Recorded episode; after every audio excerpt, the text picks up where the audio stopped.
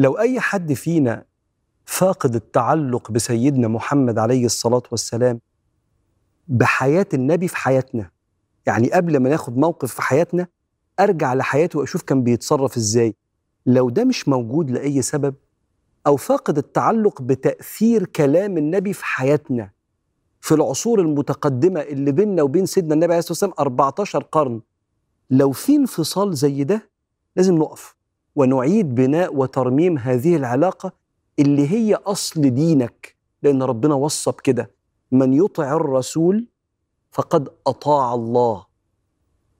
هنا لا هو لو فقد التعلق ده في شوية خسائر كده بس خسائر يعني ممكن تبقى دنيا وآخرة.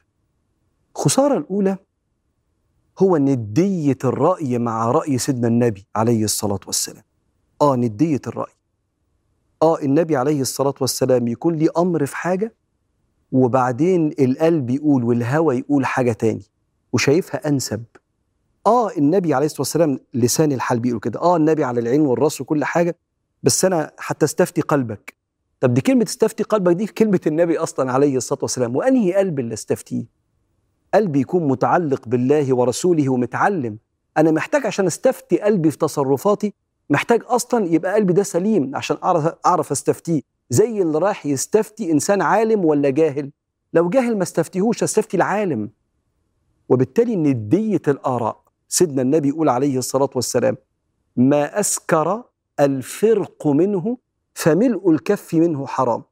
لو برميل كبير شربته من الخمرة سكرك آه يبقى بق الخمرة كوباية صغيرة كده بق واحد حرام.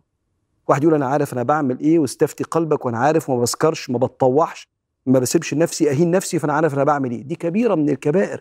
محتاجين هنا نقف وما يكونش عندنا ندية مع سيدنا النبي عليه الصلاة والسلام. الخسارة الثانية لو فقدنا التعلق بسيدنا محمد هي التوهان بسبب فقدان المعيار. اللي مش ماشي ورا النبي حاجة من الاتنين عليه الصلاة والسلام. يا متشدد تكفيري تفجيري يا إما متسيب جدا وبيميع دينه لأن النبي هو المعيار عليه الصلاة والسلام. لو ما مشيناش على الشرح النبوي والفهم النبوي لكلام الله إما الواحد يبقى متشدد يفجر ويقتل ويكفر والنبي ما عملش كده عليه الصلاة والسلام بس هو دخل بدماغه في كتاب ربنا من غير ما يرجع للنبي عليه الصلاة والسلام أو نسيب التدين تماما بأهوائنا لأن النبي هو اللي بيرجعنا عليه الصلاة والسلام. لطريق ربنا. يقول هو كده. يقول لا يؤمن أحدكم حتى يكون هواه تبعا لما جئت به. اللي أنا جيت بيه هو اللي يشكل هواك ورغباتك.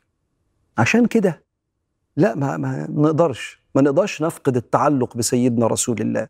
واللي عنده أفكار أو شكوك هدمت هذا التعلق وهدمت التعظيم أعلى درجات التعظيم لسيدنا محمد عليه الصلاة والسلام لازم يقف. ويراجع إعادة بناء وترميم علاقته بسيد الأولين والآخرين عليه الصلاة والسلام.